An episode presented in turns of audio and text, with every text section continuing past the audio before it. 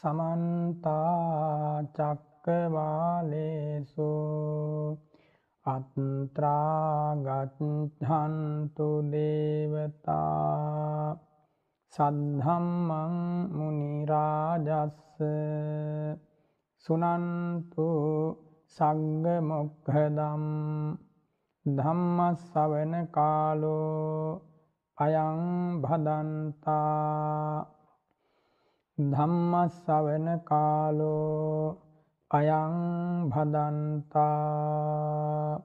ධම්මස්සවන කාලෝ අයං භදන්තා.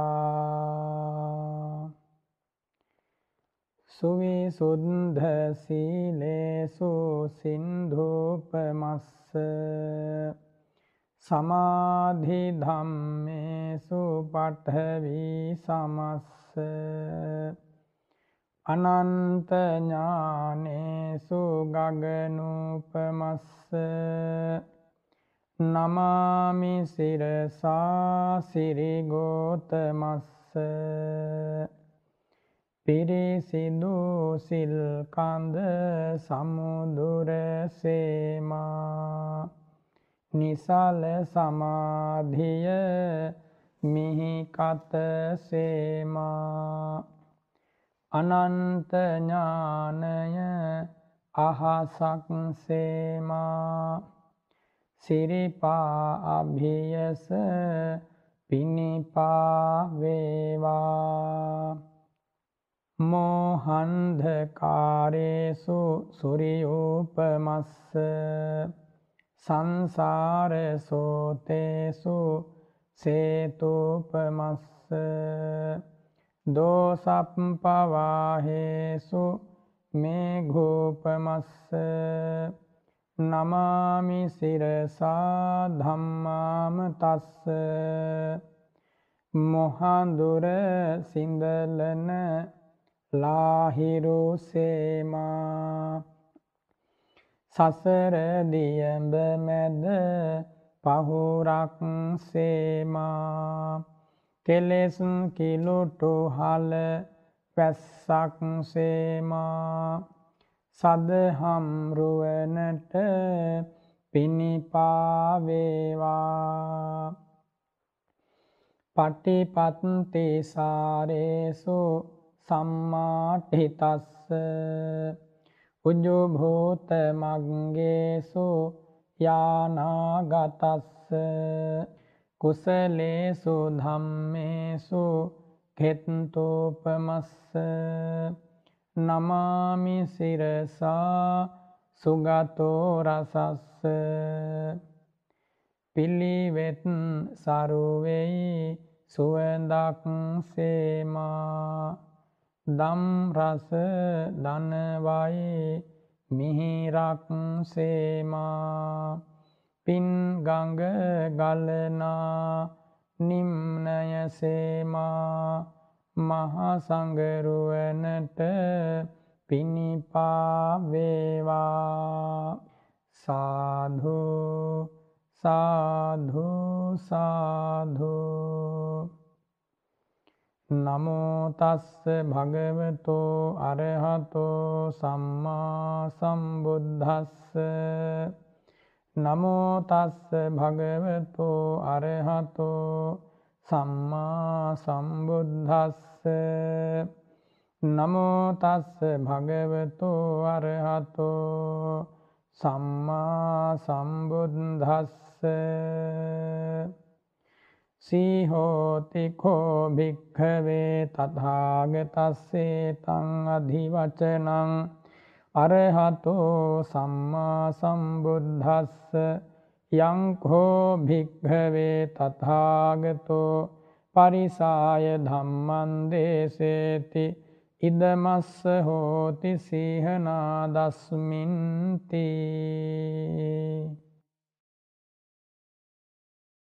ශ්‍රද්ධාවන්ත පින්වතුනි අමාදොර විවරවිය සදහම් විකාශයෙන් අද ඔබට මේ ඇසෙන ධර්ම දේශනාව සඳහා අපට ආරාධනා කළේ ඕස්ට්‍රේලියාවේ පදිංචි පින්වත් හිෂානිද සිල්වා මහත්මිය විසින් බොහොම සත්පුරුෂ සංකල්පනා හිතේ තබාගෙනයි මේ උතුම් ධර්ම දේශනාව එතුමිය විසින් සිද්ධ කරවා ගනු ලබන්නේ.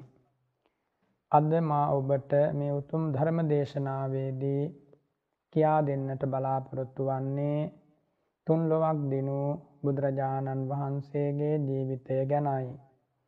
බුදුරජාණන් වහන්සේගේ සිරිමුව මඩලින්ම වදාළ මේ ධර්ම පරියාය අසා තථාගතයන් වහන්සේගේ ඒකාන්ත ගුණ සමුදාය පිළිබඳව සිතේ පැහැදීමක් ඇති කරගන්න මේ මුළු රටටත් මුළු ලෝකයටත් මෙවන් යුගයක බුදුරජාණන් වහන්සේගේ ගුණ හඳුනන පුද්ගලයන් ඉතාමත්ම අවශ්‍ය වෙනවා.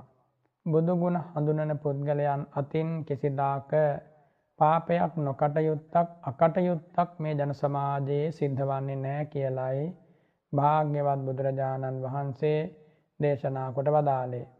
ඒ භාග්‍යවතුන් වහන්සේගේ අසීමිත ගුණ සමුදාය අසීමිත ගුණ සමුදාය කැටි වූ මේ උත්තම ධර්ම පරියාය සිත පහදවාගෙන ශ්‍රවණය කරන්න කියලා මා ඔබට සිහිපත් කරනවා.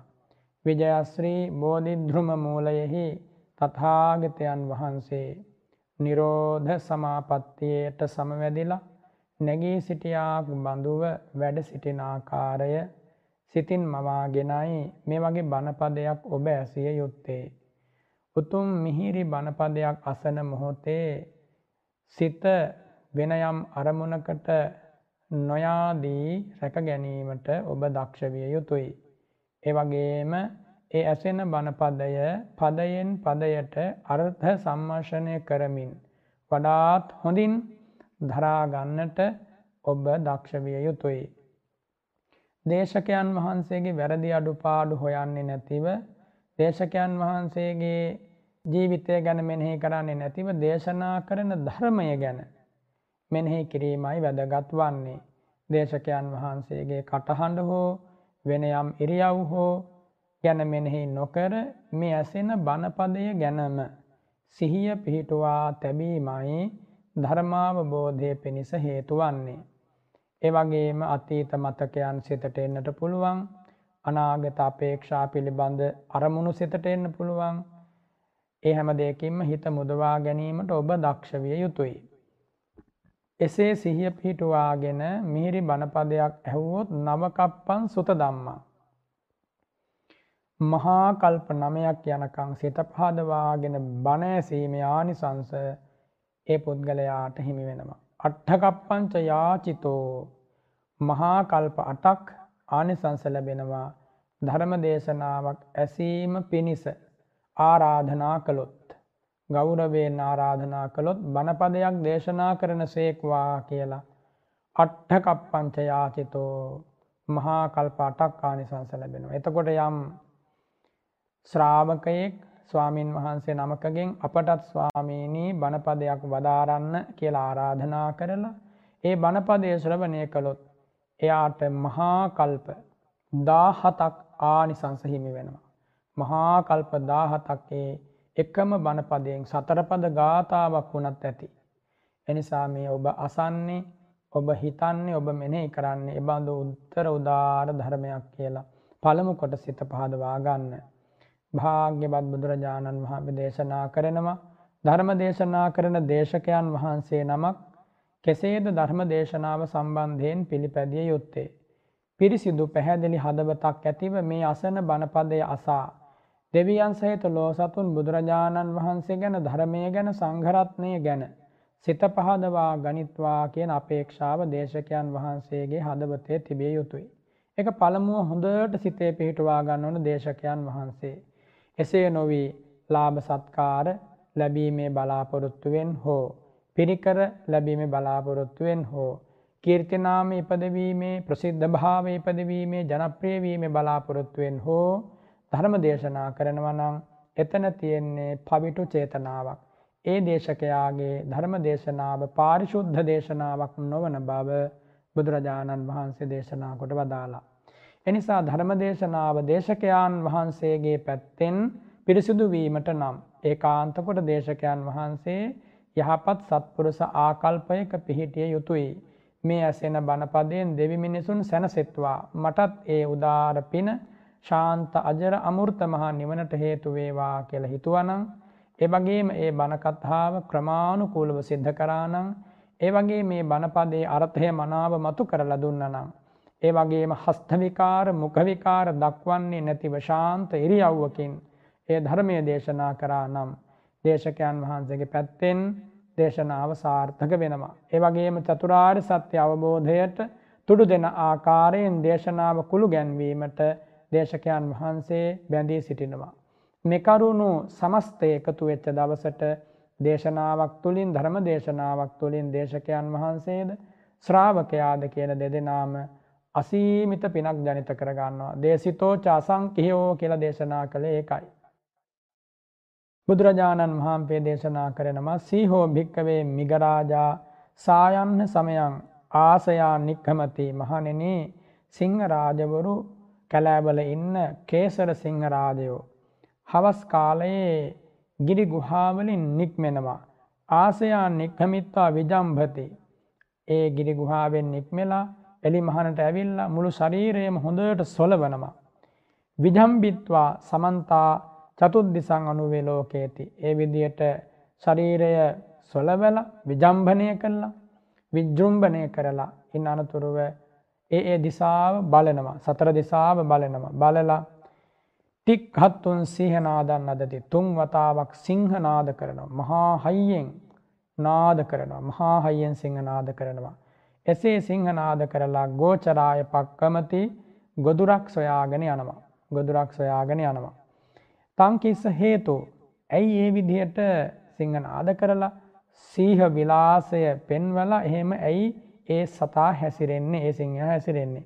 මාහං කුද්දකේ පානේ විසම ගතේ සංඝාතං ආපාදේසින් කුඩා ක්ෂුද්‍රක ප්‍රාණීන් ඉන්නවා පුංචි හා බැටව් වගේ සත්තු මට ගොදුරු නොවේවා. ඒ වගේම අසරණ සත්වයන්ට මගෙන් අසරණ කියන්න එතනින් අදහස් කරන්නේ කුඩා ක්ෂුද්‍රක පානීන් අස්ථානයේ බියපත් නොවේවා සිංහයා දැන් එනවා කියලා දැනුම් දීම පිණිසයි ඒ විදිහට මහා නාද කරන්නේ. ඉතින් බුදුරජාණන් වහන්සේ වදාරනවා සීහෝතිකෝ භික්කවේ තථාගතස්සේතං අදිවචනං මහණෙනි සිංහයා කියලා කියන්නේ කාටද? තථාගතයන් වහන්සේට සමාන නාමයක්. බලන්න. එයින් අදහස් කරන තථාගතයන් වහන්සේ සිංහ විලාස ඇති සීහ වික්‍රම ඇති මහේශාක්‍ය මුනිරාජයන් වහන්සේ නමක්. අරහතෝ සම්මා සම්බුද්ධස අරහත්තෝ සම්මා සම්බුදුරජාණන් වහන්සේට සීහ කියන නමින් ආමන්ත්‍රණය කරනවා. සම්බුද්ධ සීහෝ බුද්ධ සීහෝ කියලා ආමන්ත්‍රණය කරනවා. යංකෝ භික්කවේ තථාගතෝ පරිසාය ධම්මන් දේශේති ඉදමස්ස හෝති සීහනාදස්මින් හරියට අර සිංහයා එලියට ඇවිල සිංහ නාද කරනවා වගේ තථාගතයන් වහන්සේ පිරිස් ඉදිරියට පැමිණිලා වැඩම කරලා ශ්‍රී සද්ධර්මය අභීතව දේශනා කරනවා. ඒ පිරිස් ඉදිරියේ අභීතව ශ්‍රී සද්ධර්මය දේශනා කිරීම තමයි සිංහනාද කිරීම කියලා කියන්නේ. සිංහනාද කිරීමක් හා සමානයි. බුදුරජාණන් වහන්සේගේ සෑම ධර්ම දේශනාවක්ම සිංහනාදයක් බව මතක තබා ගන්න. කිසිවෙකුටත් ඒ සිංහනාදයට අභීතව වෙනයම් වූ ප්‍රතිවිරුද්ධ නාදයකින් ඒ සිංහනාදය යටපත් කරන්න බෑ. කැලේ ඉන්න හස්තියන්ගේ නාදය වුනත් වෙනයම් සතුන්ගේ නාදය වුනත් හැම නාදයම සිංහනාදයට යටයි. එනිසා බුදුරජාණන් වහන්සේගේ ශ්‍රී සද්ධර්ම දේශනාව ශ්‍රී මුකයෙන් නිකුත්වන ඒ අෂ්ඨාංග සමන්නාගත අටඟින් යුත්ත ඒ බ්‍රහ්මස්වර නාදය ලෝකෙ කාටවත් සමාන වන්නේ නෑ. එක බුදුරජාණන් වහන්සේට පමණමයි ලැබෙන්නේ. භාග්‍යවතුන් වහන්සේ දේශනා කරනවා මේ විදිහට සිංහනාද කරන තථාගතයන් වහන්සේට එසේ සිංහනාද කිරීම පිණිස මහා තේජෝ බල පරාක්‍රම 10ක් ලැබෙනවා. මහා බල 10ක් තියෙනවා. මොනවද ඒ බලයන් 10 ඒවා ගැන තමයි අද මේ ධර්ම දේශනාවේදී දේශනා කරන්නට බලාපොරොත්තු වෙන්නේ. දසහිමානි භික්කවේ තථාගතස තථාගත බලානි. යෙහි බලෙහි සමන්නාගතෝ තථාගතෝ ආසභන්ඨානම් පටිජානාතේ පරිසාසු සිහනාදන් අදති බ්‍රහ්මචක්කම් පවත්තේති. මහණෙනි තථාගත වූ අරහත් වූ බුදුරජාණන් වහන්සේ බල 10කින් සමන්වාගතයි. ඒ බල 10කින් යුක්ත වන නිසා තමයි ඕනෑම පිරිසක් මැදට ගිහිල්ලා විශාරදව અભීතව කිසිම බයක් ඇති ගැනීමක් ලොඹු දැහැ ගැනීමක් නැතිව මේ උදාර ධර්මය දේශනා කරන්නේ. සීහෝති භික්කවේ තථාගතස්සේ තං අධිවචනං කියලා වදාරන්නේ. සිංහරාජයෙක් සදිසී තථාගතයන් වහන්සේ ඒ දස බලය තියෙන නිසා තමයි ඒසා මහත් වූ වික්‍රමයක් ඒසා මහත් වූ තේජසක් ඒ භාග්‍යවත් බුදුරජාණන් වහන්සේට ලැබෙන්නේ. ඒ බල දහයෙන් පළමු බලය කුමක්ද සැබවෙන්ම මේ කාය බලය ගැන නෙවෙයි මෙතන දේශනා කරන්නේ චිත්ත බලය ගැන බුදුරජාණන් වහන්සේගේ මහ ප්‍රඥා බලය ගැනයි මේ දේශනා කරන්නේ. ප්‍රඥා බලයේ අනුහස ගැනයි මේ දේශනා කරන්නේ.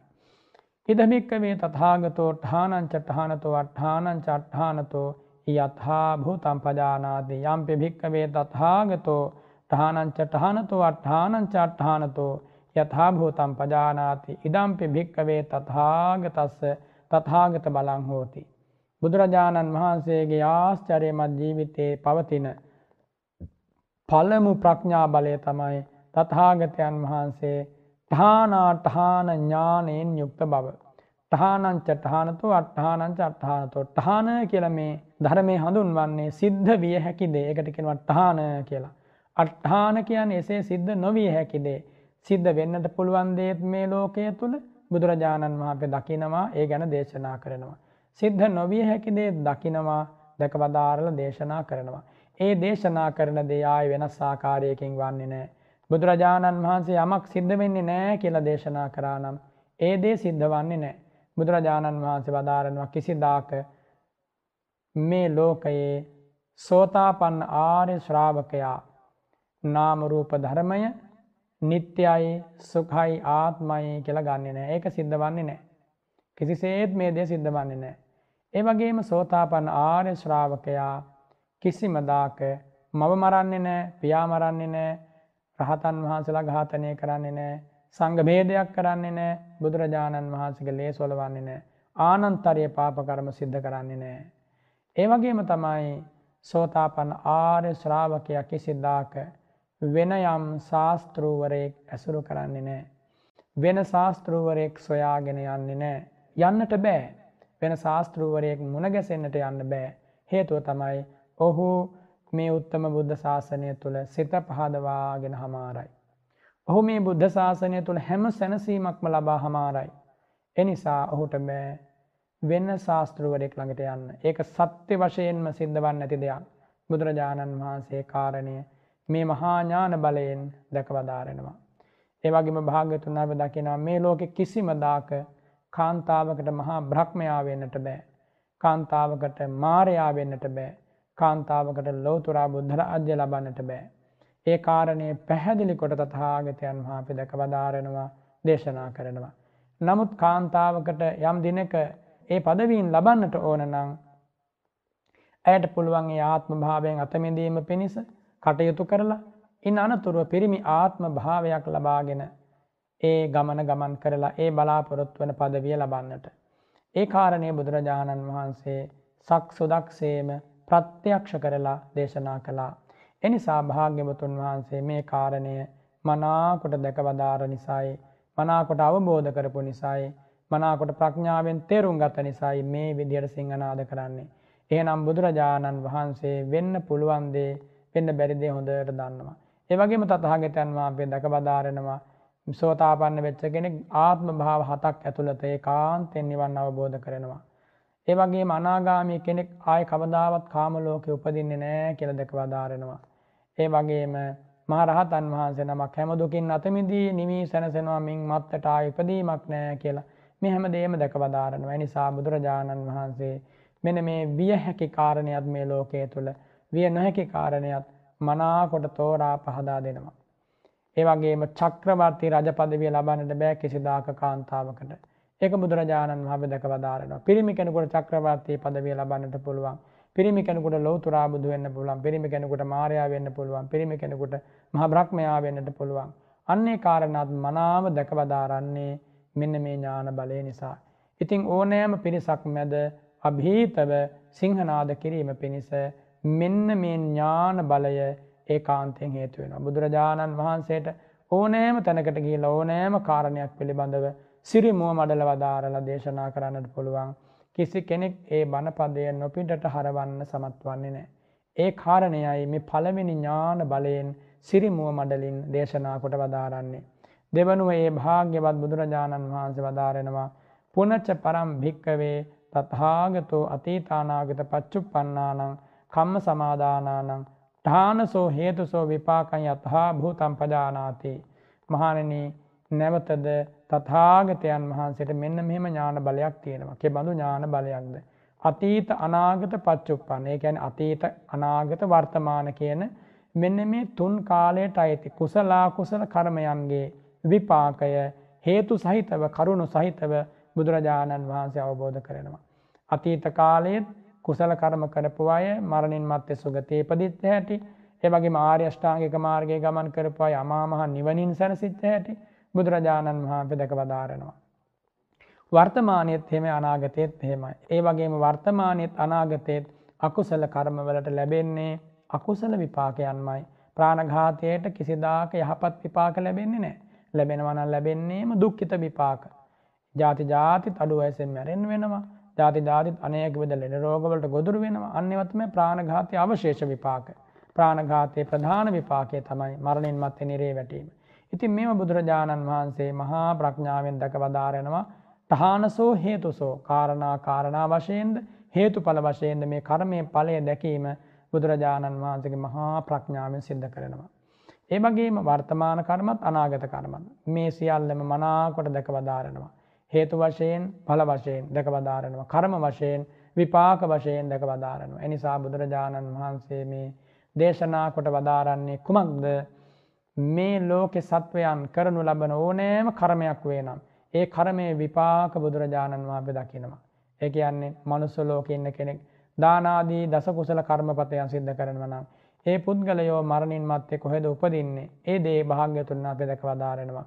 ඒ වගේම මේ මේ ජීවිතේ යම්කිසි කෙනෙක් ධ්‍යාන උපදවනවා නම් එයා මරණින් මත්තේ කොහෙද උපදින්නේ කියලා භාග්‍යතුන් අපි දැකලා දාරනවා.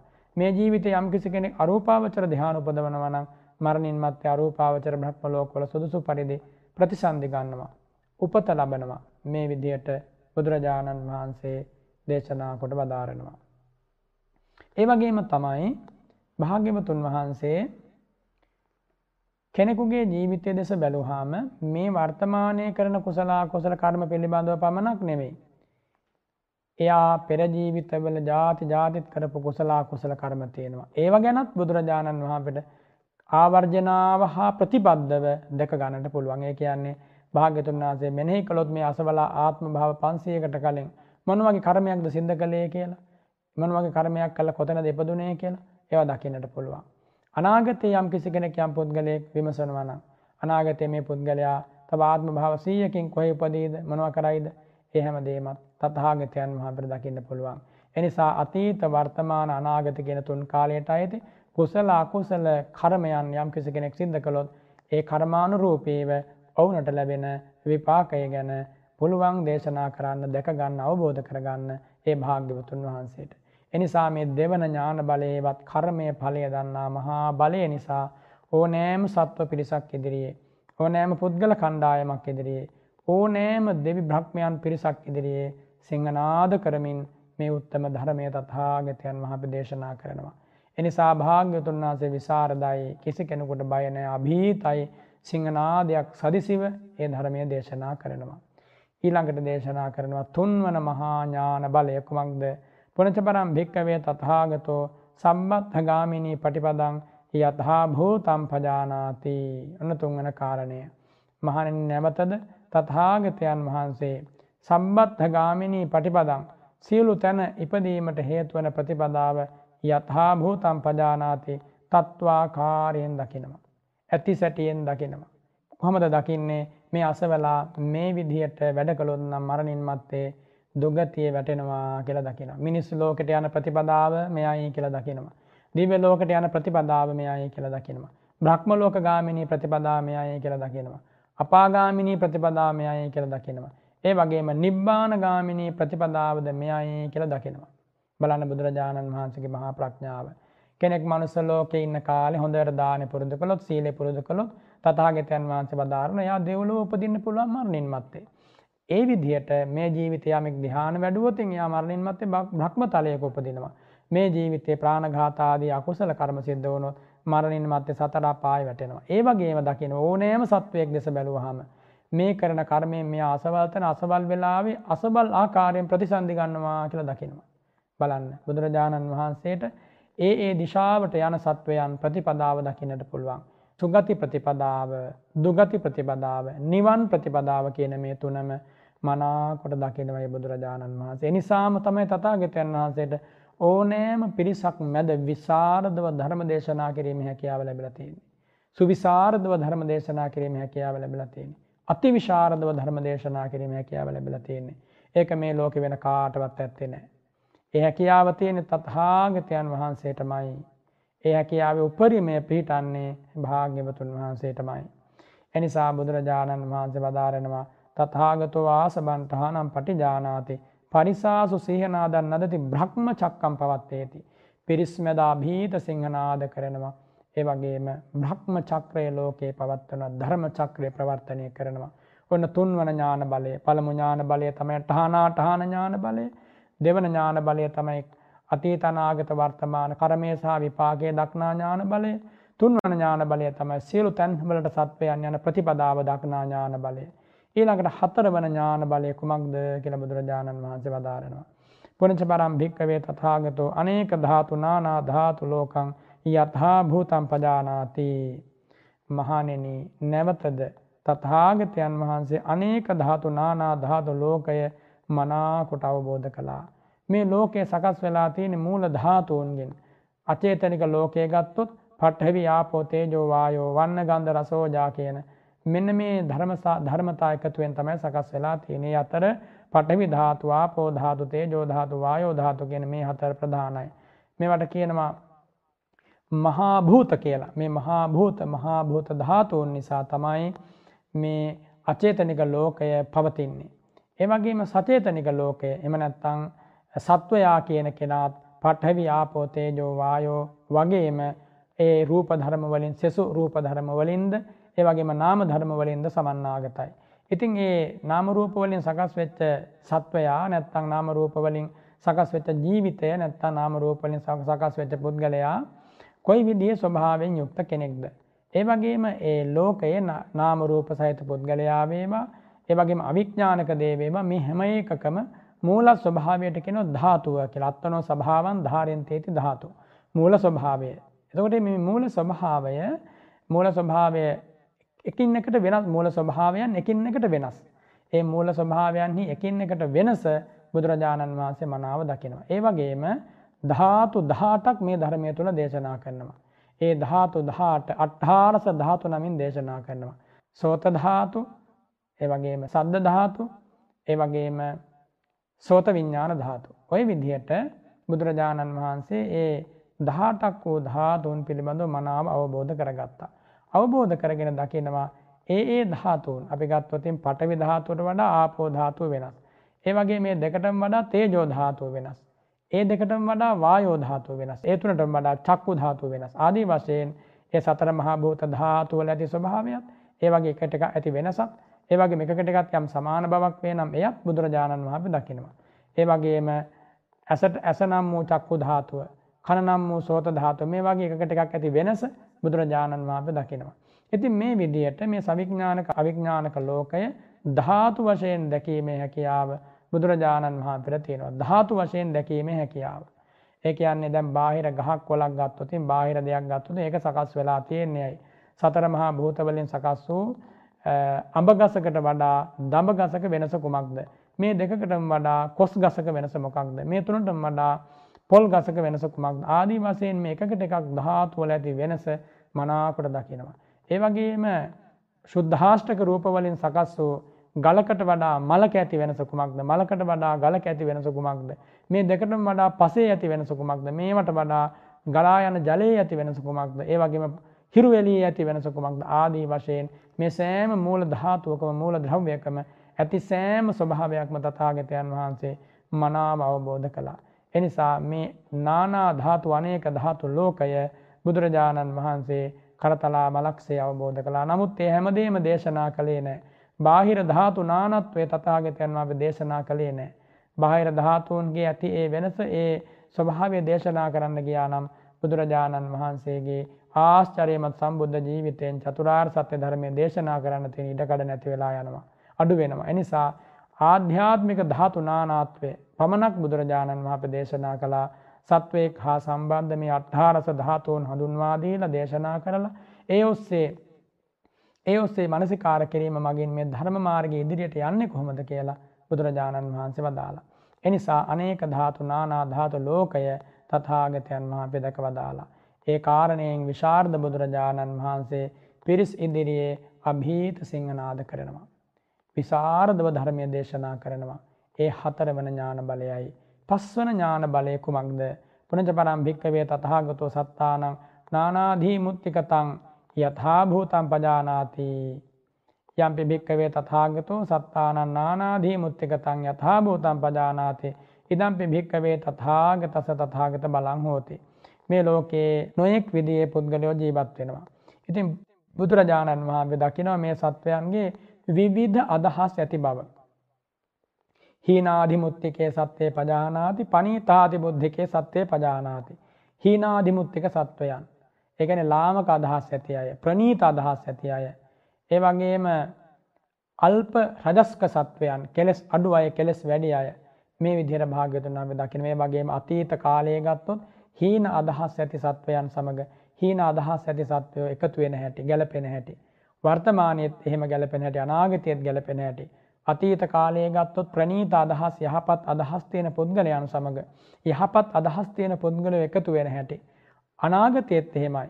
අතීත වර්තමාන අනාගත කියන තුන් කාලයේම යහපත් අදහස් තියෙන පුද්ගලයන් සමග යහපත් අදහස් තියෙන පුද්ගලයනුත් ඒ වගේම අයහපත් අදහස් තියෙන පුද්ගලයන් සමග අයහපත් අදහස් තියෙන පුද්ගලයනුත් එකතු වන හැටි භාග්‍යවතුන් වහන්සේ දේශනා කරනවා. එහෙම දේශනා කරන්නට හැකියාව ලැබෙන්නේ මෙන්න මේ නානාදී මුත්තික ස්වභාවය දක්නා ඥාන බලය නිසා. අධිමුත්ති කියන්නේ සත්වයන්ගේ අදහස්. ඒ අත්තන්ගේ දෘෂ්ටීන්, ඒ අත්තන්ගේ ආසය, ඒ අත්තන්ගේ නිස්සරය මේකට කියනවා අධිමුත්තීන් කියලා. එතකොට මෙන්න මේ අධිමුත්තීන් දක්නා ඥානය මහා පුදුම බලයක්. ඒක තියෙන නිසා තමයි ඕනෑම පුද්ගලයෙක් ගැන බුදුරජාණන් වහන්සේ මොහොතකින් ආවර්ජනය හා ප්‍රතිබද්ධව දැකගන්නේ අවබෝධ කරගන්නේ. එතකොට බුදුරජාණන් වහන්සේ දකිනවා අතීතංසයේත් ගිතෙල් ගිතෙල් සමග ගැලපෙනවා, පැණි පැණි සමග ගැලපෙනවා, ඒ වගේම මුත්‍රා මුත්‍රා සමග සෙම සෙම සමග සොටු සොටු සමග ගැලපෙනවා. අන්න ඒ වගේ යහපත් අදහස් තියෙන අය යහපත් අදහස් තියෙන පුද්ගලයන් සමගත් අයහපත් අදහස් තියෙන අය අයහපත් අදහස් තියෙන පුද්ගලයන් සමගත් එකතු වන හැටි මේ මහා ඥාන බලයෙන් ඒ භාග්‍යවතුන් වහන්සේ දැක ගන්නවා අවබෝධ කරගන්නවා දේශනා කරනවා. ඉතින් එනිසා භාග්‍යවතුන් වහන්සේට මෙන්න මේ ඥාන බලයෙන් පුළුවන්කම ලැබෙනවා ඕනෑම පුද්ගලයෙකුගේ අතුලාන්තය කොහොමද කියලා බලන්න. එනිසා තමයි විශාර්ධව ධර්ම දේශනා කරන්න ඕනම කෙනෙකුට ධර්ම දේශනා කරන්නේ. බිහිසුණු අවි අමෝරාගත් අංගුලි මාල ළඟට වැඩම කළේ නිසා. ඒ වගේම නාලාගිරි හස්ති රාජයා ඉදිරියට වැඩම කළේ නිසා. ඒ වගේමයි බුදුරජාණන් වහන්සේ ඕනෑම පිරිසක් ඉදිරියට වැඩම කරලා මේ අභීත ධර්මය දේශනා කරන්නේ අන්නේ ඥාන බලය මේ පුද්ගලයා කෙබඳු කෙනෙක්ද කියලා දකින නිසා. කෙබඳු ගමනක් සසර ආපු කෙනෙක්ද කියලා දකින නිසා. අපට නොපෙනෙන අපේ ජීවිතය ඇතුලාන්තය ගැන බුදුරජාණන් වහන්සේ දකිනවා. අපි නොදකින ජීවිතය අභ්‍යන්තරය ගැන භාග්‍යවතුන් වහන්සේ දකිනවා. අපිට අපේ ජීවිතවල කොච්චර කර්ම කරලා තියෙනවද ඒ කර්ම තාම අපිට ඔක්කොම විපාක ඇවිල්ලා නැහැ. සංසාර ගමනේ පුදුම විදිහට කර්ම කරලා තියෙනවා. ඉතින් බුදුරජාණන් වහන්සේ මේ මේ විදිහට බලනකොට පේනවා මේ පුද්ගලයා දැන් මෙහෙම හොඳින් හිටියට hina වෙලා හිටියට මෙහෙම කාලය ඇඳලා හිටියට මේ පුද්ගලයා තව මෙච්චර දවසයි ජීවත් වෙන්නේ. මේ පුද්ගලයා අසවල් තන අසවල් වෙලාවට මැරෙනවා. මැරිලා ගිහලා අසෝතන උපදිනවා. ආන් එහෙම දකිනවා. වෙන කෙනෙකුට ලෝකේ ඒ ඥාන දර්ශනය නැහැ. ඒ හැකියාව නෑ. එනිසා බුදුරජාණන් වහන්සේ අකම්පිතයි. සිංහනාද කරමින් සිංහරාජයෙක් වගේ මේ ධර්මය දේශනා කරමින් ලෝධාතුව තුළ වැඩම කරනවා. එනිසායි බුදුරජාණන් වහන්සේ දේශනා කරන්නේ බුදුරජාණන් වහන්සේ විසරදයි කියලා දේශනා කරන්නේ නිසා. ඊළඟට භාග්‍යවත් බුදුරජාණන් වහන්සේගේ ඊළඟ හය වන ඥාන බලය තමයි කුමක්ද පුනච පරම් භික්කවේ තථාගතෝ පරසත්තානම් පරපුග්ගලානම් ඉන්ද්‍රිය පරෝ පරියත්තන් යත්හා භූතම් පජානාති. අනු සත්වයන්ගේ අන් පුද්ගලයන්ගේ ඉන්ද්‍රිය ඉන්ද්‍රිය පරෝ පරියත්ව ඥානය තථාගතයන් වහන්සේ මනාව දකිනවා අවබෝධ කරනවා. ඉන්ද්‍රිය පරෝ පරියක්ත ඥානය කියලා කියන්නේ කුමක්ද? සත්වයන් ජීවිත ඇතුලේ සත්වයන්ගේ බුදුරජාණන් වහන්සේ දේශනා කරන මෙන්න මෙහෙම ඉන්ද්‍රිය ප්‍රමාණයක් තියෙනවා කියලා. භාවීසති ඉන්ද්‍රියානේ දේවිසි ඉන්ද්‍රිය කියලා දේශනා කරනවා. මෙන්න මේ ඉන්ද්‍රිය ධර්ම කොහොමද වැඩිලා තියෙන්නේ? ඒ අතරින් විශේෂයෙන්ම සද්ධා ඉන්ද්‍රිය, සද්ධා, විරිය, සති, සමාධි, ප්‍රඥා කියන මෙන්න මේ ඉන්ද්‍රිය ධර්ම පහ කොයි විදිහටද සත්වයෝ සංසාරේ පුරුදු කරලා තියෙන්නේ කියලා භාග්‍යවතුන් වහන්සේ දැකවදාරනවා. කොයි විදිහටද වඩලා තියෙන්නේ කියලා භාග්‍යවතුන් වහන්සේ දැකවදාරනවා. කොයි විදිහේ කොයි මට්ටමින්ද මේවා දියුණු වෙලා තියෙන්නේ නොදියුණු වෙලා තියෙන්නේ කියලා දැකවදාරනවා. සාපේක්ෂ වශයෙන් උත් දැකවදාරනවා. සාපේක්ෂ වශයෙන් කොහොමද දැකවදාරන්නේ? සද්ධා ඉන්ද්‍රියට වඩා විරිය ඉන්ද්‍රිය අධිකයිද? ඒ දෙකටම වඩා සති ඉන්ද්‍රිය අධිකයිද? ඒ තුනටම වඩා සමාධි ඉන්ද්‍රිය කොහොමද? ඒවට වඩා ප්‍රඥා ඉන්ද්‍රිය කොහොමද? මෙන්න මේ කියන ලද සද්ධා විරිය සති සමාධි ප්‍රඥා කියන ඉන්ද්‍රිය ධර්ම වැඩි ඇති ආකාරය ඒ භාග්‍යවත් බුදුරජාණන් වහන්සේ මනාකොට දැකවදාරනවා. එනිසා තථාගතයන් වහන්සේට ඒ පරම ගම්භීර ඥාන බලය හිමි. තථාගතයන් වහන්සේට ඒ පරම ගම්භීර ඥාන බලය හිමි නිසා දෙවියන් සහිත ලෝකය තුල විශාරදව ධර්ම දේශනා කළ පුද්ගලයෝ ළඟට එනකොට පේනවා මේ අසබලා සංසාරයේ ශ්‍රද්ධාව පුරුදු කරලා තියෙන මේ මට්ටමට කියලා. එහෙම දැකලා යාගේ ශ්‍රද්ධා ඉන්ද්‍රියට ගැලපෙන, විරිය ඉන්ද්‍රියට ගැලපෙන කර්මස්ථාන භාවනාවක් ගැන කියලා දෙනවා. සමහර කෙනෙක් මේ බුදුරජාණන් වහන්සේ ළඟට එනකොට හොඳට ප්‍රඥාව තියෙනවා. එහෙනම් එයාගේ ප්‍රඥා ඉන්ද්‍රිය හොඳට දියුණු වෙලා තියෙනවා. ඒ ඒ කාරණිය දැකවදාරලා එයාට ගැලපෙන විදිහට සමත භාවනාව, විදර්ශනා භාවනාව උගන්වනවා. ධර්ම දේශනාව සිද්ධ කරනවා. ධර්ම සාකච්ඡාව සිද්ධ කරනවා. එනිසා පුද්ගලයෙක් තථාගතයන් වහන්සේ ළඟට එද්දී හරියට වීදුරු බෝලයක් ඇතුළේ තියෙන යමක් දැක ගන්නවා වගේ ඒ පුද්ගලයා සංසාරයේ අනේක જાතීන්හි පුරන ලද ගුණ ධර්ම සමුදාය වඩන ලද හිත නොවඩන ලද ආකාරයන් හෝ මේ හැම දෙයක්ම ගුණ අගුණ කුසල අකුසල ධර්ම කොහොමද ප්‍රගුණ පුරුදු පුහුණු කළේ කියලා දැකවදාරනවා. අන්න එහෙම දැකවැ දැරීමේ හැකියාව ලැබෙන්නේ මෙන්න මේ ඥාන බලයෙන්. පරසත්තානම් පරබුග්ගලානම් ඉන්ද්‍රිය පරෝපරියත්තය කියන මෙන්න මේ ඥාන බලය නිසා. එනිසා මේ ඥාන බලය තියෙන නිසා තමයි බුදුරජාණන් වහන්සේ ළඟට කොච්චර පිරිසක් ධර්ම දේශනාව ශ්‍රවණය කරන්න පැමිණියත් ලක්ෂයක් කෝටියක් පැමිණියත් මොහොතකින් පුළුවන් තථාගතයන් වහන්සේ හැම දෙනාගේම ඉන්ද්‍රියන් දැක වදාරන්නට ශ්‍රද්ධාදී ඉන්ද්‍රිය කොහොමද වැඩිලා තියෙන්නේ කොහොමද නොවැඩිලා තියෙන්නේ කෙබඳු ඉන්ද්‍රියද දියුණු විය යුත්තේ ආදී වශයෙන් හැම කරුණක්ම සලකා බලා තමයි භාග්‍යවතුන් වහන්සේ ධර්ම දේශනා කරන්නේ. ඉතින් එනිසා ඒ විදිහට ධර්ම දේශනා කරන බුදුරජාණන් වහන්සේ මහා කරුණා සමාපත්තිය නම් වූ මිහිරි වූ ශ්‍රේෂ්ඨ වූ සාන්ත වීරණයෙන් යුක්තව සත්වයන්ට පිහිට වෙන්නේ මෙන්න මේ ඥාන බලය බුදුරජාණන් වහන්සේට පවතින නිසා. ඊළඟට භාග්‍යතුන් වහන්සේට පවතින හත්වන ඥාන බලය තමයි කුමක්ද? පුණජ පරම් භික්කවේ තථාගතෝ ඥාන විමුක්ඛ සමාධි සමාපත්තින සංකිලේසං වෝදානං උත්ථානං යතහා භූතං පජානාති. තථාගතයන් වහන්සේට පුළුවන් ධ්‍යාන කිව්වහම ධ්‍යාන. ඒ කියන්නේ විමෝක්ෂ. සමාධි සමාපatti කියන මෙන්න මේවා කොහොමද කෙලසෙන්නේ? ඒවා කොහොමද දියුණු වෙන්නේ? ඒවට සමවදින්නේ කොහොමද? ඒ වගේ නැගී සිටින්නේ කොහොමද? ආදී වශයෙන් මේ කාරණා මනාකොට දැකවදාරනවා ධ්‍යාන කිව්වහම ප්‍රථමාදී ධ්‍යාන හතර අරූපාවචර ධ්‍යාන ඒ වගේම රූපී රූපානි පස්සති ආදී වශයෙන් සඳහන් වන විමෝක්ෂ ඒ වගේම සමාධිය කිව්වට පස්සේ ප්‍රථම ධ්‍යාන සමාධි දෙවන ධ්‍යාන සමාධි තුන්වන ධ්‍යාන සමාධි ඒ වගේම සමාපත්තීන් කියලා කිව්වට පස්සේ ප්‍රථමාදී මාර්ගඵල සමාපත්තීන් ඒව ගන්නට පුළුවන්. මේ කියනවද ලෞකික ලෝකෝත්තර වූ ලෞකික ධානයන් ලෝකෝත්තර සමාපත්තියෙන් නිරෝධ සමාපත්තිය කෙලවර කොට හැම සමාපත්තියක් ගැනම බුදුරජාණන් වහන්සේ මනාව කරුණු දන්නවා. මනාව ප්‍රඥාවෙන් අවබෝධ කරලා තියෙනවා. ඒවා කෙලසෙන්නේ කොහොමද? ඒවා දියුණු වෙන්නේ කොහොමද? ඒවාට සමවදින්නේ කොහොමද? ඒවාගෙන් නැගී සිටින්නේ කොහොමද? කියන මෙන්න මේ කාරණේ යථා භූතව එහෙම නැත්නම් ඇති ඇති සැටියෙන්ම දැකවදාරනවා.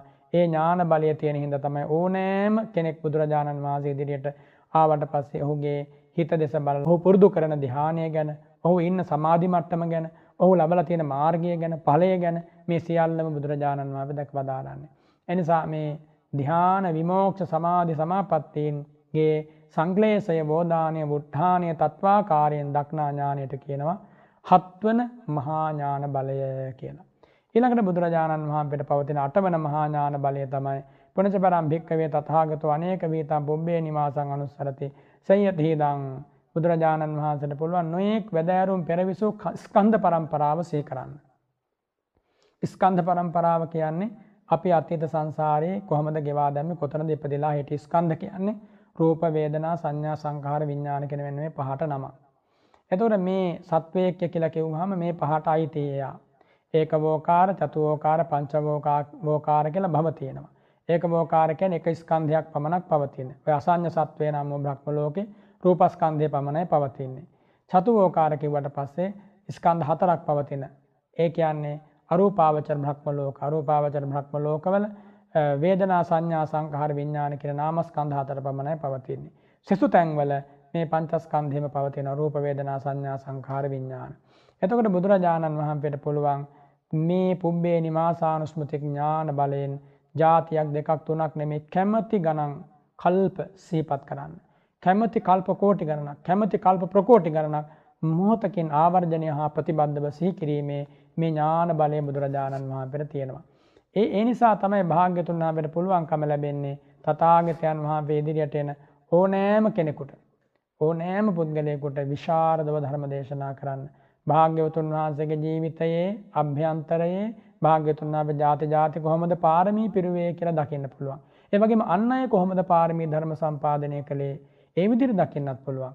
ඒ වගේමත් භාග්‍යතුන්නාතක ජීවිතය පෙරවිසූ ස්කන්ධ පරම්පරාව ජීවිත පරම්පරාව වගේම අන්න අයගේ ජීවිත පරම්පරාව බුදුරජාණන් වහන්සේ දකිනවා. බලන්න මොන තරම් පුදුමයිද ඒ භාග්‍යවතුන් වහන්සේගේ ආශ්චර්යමත් ජීවිතේ මේම ඥාන බලයක් ලෝකේ වෙන කාටද හිමිවන්නේ? වෙන කිසි කෙනෙකුට හිමිවන්නේ නැහැ එනිසායි අපි බුද්ධන් සරණං ගච්ඡාමි කියලා අනේක වාරයක් ඒ සිරිපාපියෝම අභියස සරණ ගිහිල්ලා දනින් වැටිලා নমස්කාර කරන්නේ. මේ ಗುಣ තියෙන ශාස්ත්‍රූවරයෙක් මුණ ගැහිච්ච වෙලාවේ වෙන දෙයක් ගැන වෙන සරණක් ගැන හීනකින්වත් කෙනෙකුට හිතන්නට බෑ. ඒ තරම් ආශ්චර්යමත් මුනිවරයෙක් තමයි භාග්‍යවතුන් වහන්සේ. එනිසායි පිරිස් ඉදිරියේ අභීත සිංහනාද කරන්නේ මේක මහා බලයක්. පුබ්බේ නිවාසානුස්මතික් ඥාන බලය. ඊළඟ නවවන තථාගතයන් වහන්සේගේ ඥාන බලය තමයි පුනච පරම් භික්කවේ තථාගතෝ දිබ්බේන චක්කුණා විසුද්ධේන අතික්කන්ත මානුසකේන සත්‍යේ පස්සදේ චවමානේ උපජ්ජමානේ හීනේ පනීතේ සුවන්නේ දුබ්බන්නේ සුගතේ දුග්ගතේ යතහා කම්මූපගේ සත්‍යේ පජානාති. බුදුරජාණන් වහන්සේට පවතින විසුද්ධ වූ මිනිස් ඇස ඉක්ම වාගිය දිබ්බ චක්කු ඥානෙ දිබ්බ චක්කු ඥානෙ කියන්නේ දිවස. ඒ දිවස් ඥානයෙන් තථාගතයන් වහන්සේට පුළුවන් ඒ ඒ ජීවිතවලින් චුත වෙලා ඒ ඒ තැන උපදින සත්වයෝ දකින්න. හීනාධිමුත්තික එහෙම නැත්නම් එයා හීන සත්වයන් ප්‍රනීත සත්වයන් කියන්නේ හීන අදහස් තියෙන හීන වූ ලාමක ජීවිත ලැබූ තිරිසන් ජීවිත ප්‍රේත ජීවිත මේවා හීන ජීවිත ලාමක ජීවිත. ඒවායේ උපදින සත්වයන් තථාගතයන් වහන්සේ දකිනවා. ඒ වගේම දිව්‍ය ලෝක බ්‍රහ්ම ලෝක වගේ ප්‍රනීත ආත්ම භාවයන් ලබන සත්වයන් දකිනවා. ඒ වගේම තමයි බුදුරජාණන් වහන්සේට පුළුවන් සුගතීන්හි දුගතීන් සත්වයන් උපදින හැටි කර්මානුරූපී වේ ඒ ඒ තැනට යන හැටි දැක ගන්නට ලැබෙනවා. ඉමේ වත බොන්තෝ සත්තා බුදුරජාණන් වහන්සේ දකිනවා. මේ සත්වයෝ කාය දුස්තරයෙන් යුක්ත වෙලා වචී මනෝ දුස්තරයෙන් යුක්ත වෙලා ආර්යයන් වහන්සේට උපවාද කළ මිත්‍යා දෘෂ්ටි සමාදම් වෙලා මේ ජීවිතයේ මේ පව් ටික රැස් කරගෙන මරණින් මත්තේ අසවල් නිරේ උපදිනවා කියලා දකිනවා. ඒ වගේම දකිනවා මේ සත්වයෝ බොහෝ පින් රැස් කරගෙන සම්මාදිට්ඨියේ පිටලා දාන ආදී පින්කම් සම්පාදනය කරලා ආර්යයන් වහන්සේලාට උපවාද නොකර සම්මාදිට්ඨියේ පිටලා ඉඳලා මරණින් මත්තේ දෙව්ලොව උපදිනවා කියලා දැක වදාරනවා. මේ විදිහට බුදුරජාණන් වහන්සේට පුළුවන් මේ ඥාන බලය නිසා ඒ ඒ සත්වයෝ ඒ ඒ තැන උපදින ආකාරය දැක ගන්න.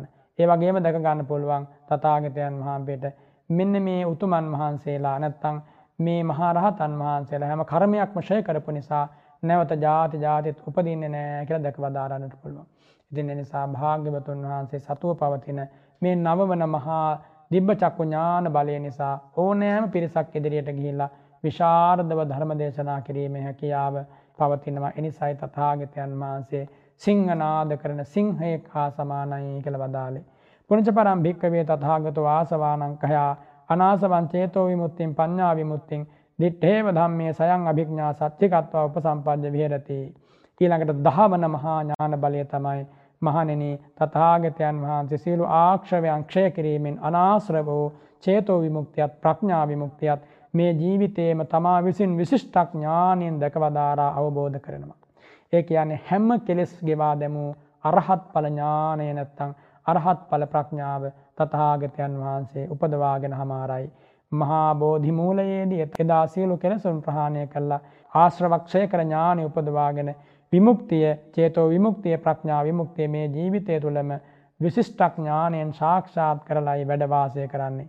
මේ කෙලෙස් ප්‍රහණයවත් අරහත් ඵල විමුක්තියෙන් තථාගතයන් වහන්සේට හිමි වෙන විරාගී ඥාන ශක්තිය විරාගී චිත්ත බලය නිසායි බුදුරජාණන් වහන්සේ ඕනෑම පිරිසක් ඉදිරියට ගිහිල්ලා අකම්පිතව ධර්ම දේශනා කරන්නේ. භාග්‍යතුන් වහන්සේ වදාරනවනේ මහණෙනි බයක් ඇති ගැනීමක් ඇති වුනහම මා ගැන මාගේ ගුණයන් ගැන සිහි කරන්න.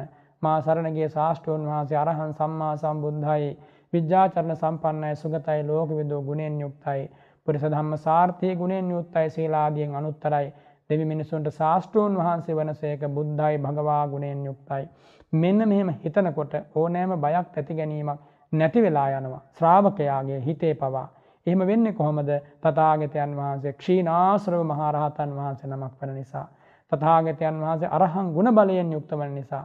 තථාගතයන් වහන්සේ ආශ්චර්යමත් ඥාන බලයෙන් යුක්ත වන නිසා. ඒ මහා බලය නිසා බුදුරජාණන් වහන්සේට පරිසාසු සිහනාදන් අදති බ්‍රහ්ම චක්කම් පවත්වේදී ඕනෑම පිරිසක් මැද සිංහනාද කරන්න මේ උත්තම දහම් සක පවත්වන්නට ප්‍රවර්තනය කරන්නට හැකියාව ලැබෙනවා. මෙන්න මේ කියන ලද ඥාන බල දහයෙන් ඒ භාග්‍යවතුන් වහන්සේ යුක්තයි. මේ ඥාන බල දහයෙන් විතරක් නෙමේ අනන්ත ඥානයන්ගෙන් බුදුරජාණන් වහන්සේ යුක්තයි. ඕනෑම දෙයක් ඕනෑම ඇසිල්ලක ආවර්ජනය හා ප්‍රතිබද්ධව දැකීමේ සර්වඥතා ඥානය බුදුරජාණන් වහන්සේ තියෙනවා. සර්වඥතා ඥානය ගැන සියල්ල දක්නා ඥානේ.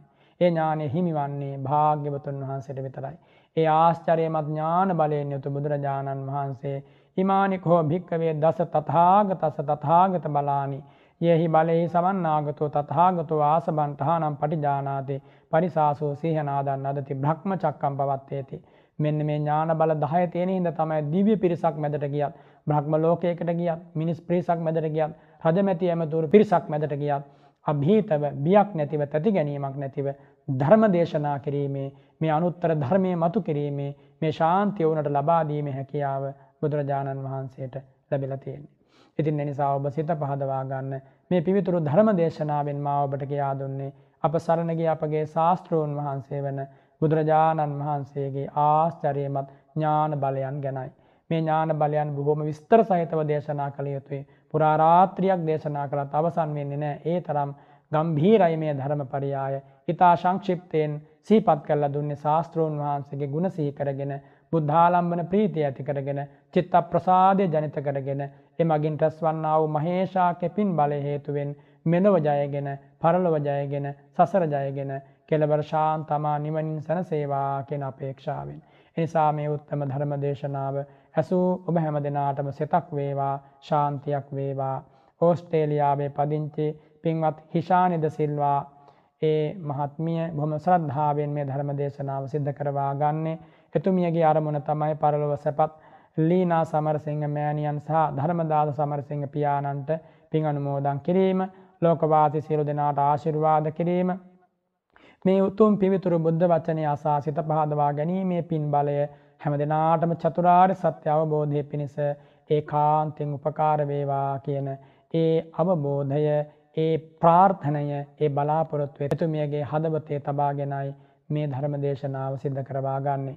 දේශකයන් වහන්සේට ආශිර්වාද කරමින් මහා සංඝරත්නයට සෙත් ප්‍රාර්ථනා කරමින් දෙවියන් සහිත ලෝකෙට යහපතක් වේවා කියන මෛත්‍රී සංකල්පනාවෙන් යුතු ඒ පින්වත් හිෂානද සිල්වා මහත්මිය ඇතුළු දෙවියන් සහිත ලෝකයට මේ ධර්ම දේශනාමය පින්කම ශ්‍රවණමය පින්කමයි පිටි වේවා. හැම දෙනාම උතුම් චතුරාර්ය සත්‍ය අවබෝධ කරමින් සාන්තාජර අමෘත මහා නිවනින් සැනසෙර මොහොත දක්වා හැම සැනසීමක්ම ලබත්වා කියලා අපි ආශිර්වාද කරමු ප්‍රාර්ථනා කරමු. ඉදං වූ ඥාතිනං හෝතු සුඛිතා හොන්තු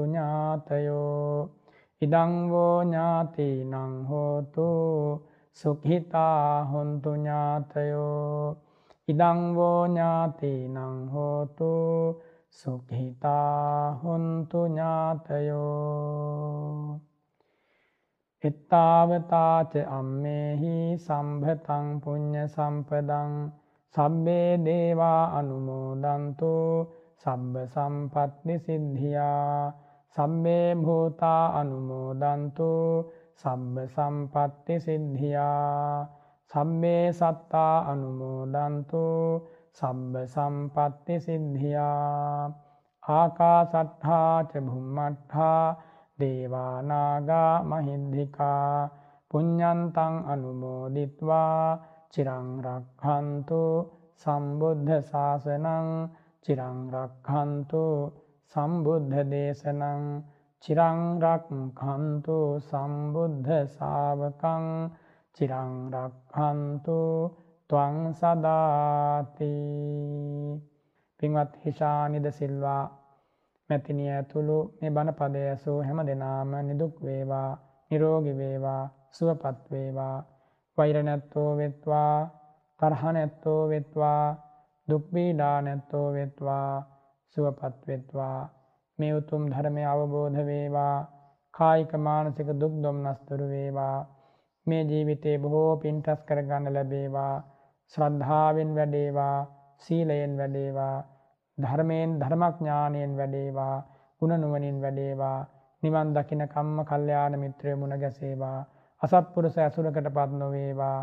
මේ උත්තම ධර්ම මාර්ගය තුල පිරිසිදු ගමනක් ශාන්ති ගමනක් ගමන් කරන්නට හැම දිනාට වාසනාව ලැබේවා. දෙවියන්ගේ පිහිට උපකාර ආශිර්වාදය ආරක්ෂාව ලැබේවා. මහා සංඝරත්නයේ ආශිර්වාදය ලැබේවා. හැම හදවතකම කරුණාබර හැඟීම් ප්‍රබුද්ධ වී සියලු දෙනාම හැම දුකින් අත මිදෙත්වා කියලා අපි ප්‍රාර්ථනා කරනවා. සබ්බීතියෝ විවජ්ජන්තු සම්බ රෝගෝ විනස්සතු. මාතේ භවත්වන්තරායෝ සුඛී දීඝායුකෝ භව භවතු සම්බ මංගලම් රක්ඛන්තු සම්බ දේවතා සම්බ බුද්ධානුභාවේන සදා සොත්ති භවන්තු තේ සම්බ ධම්මානුභාවේන සදාසොත්හි භවන්තුතේ සම්බ සංඝානුභාවේන සදාසොත්හි භවන්තුතේ අභිවාදන සීලිස නිච්චං වද්ධා පචායිනෝ චත්තාරෝ ධම්මා වඩ්ඩන්ති ආයුවන්නෝ සුඛං බලං ආයුවාරෝග්‍ය සම්පත්ති සග්ග සම්පත්ති මේවච අත්හෝ නිබ්බාන සම්පත්තේ ඉමිනාතේ සමිද්ධතු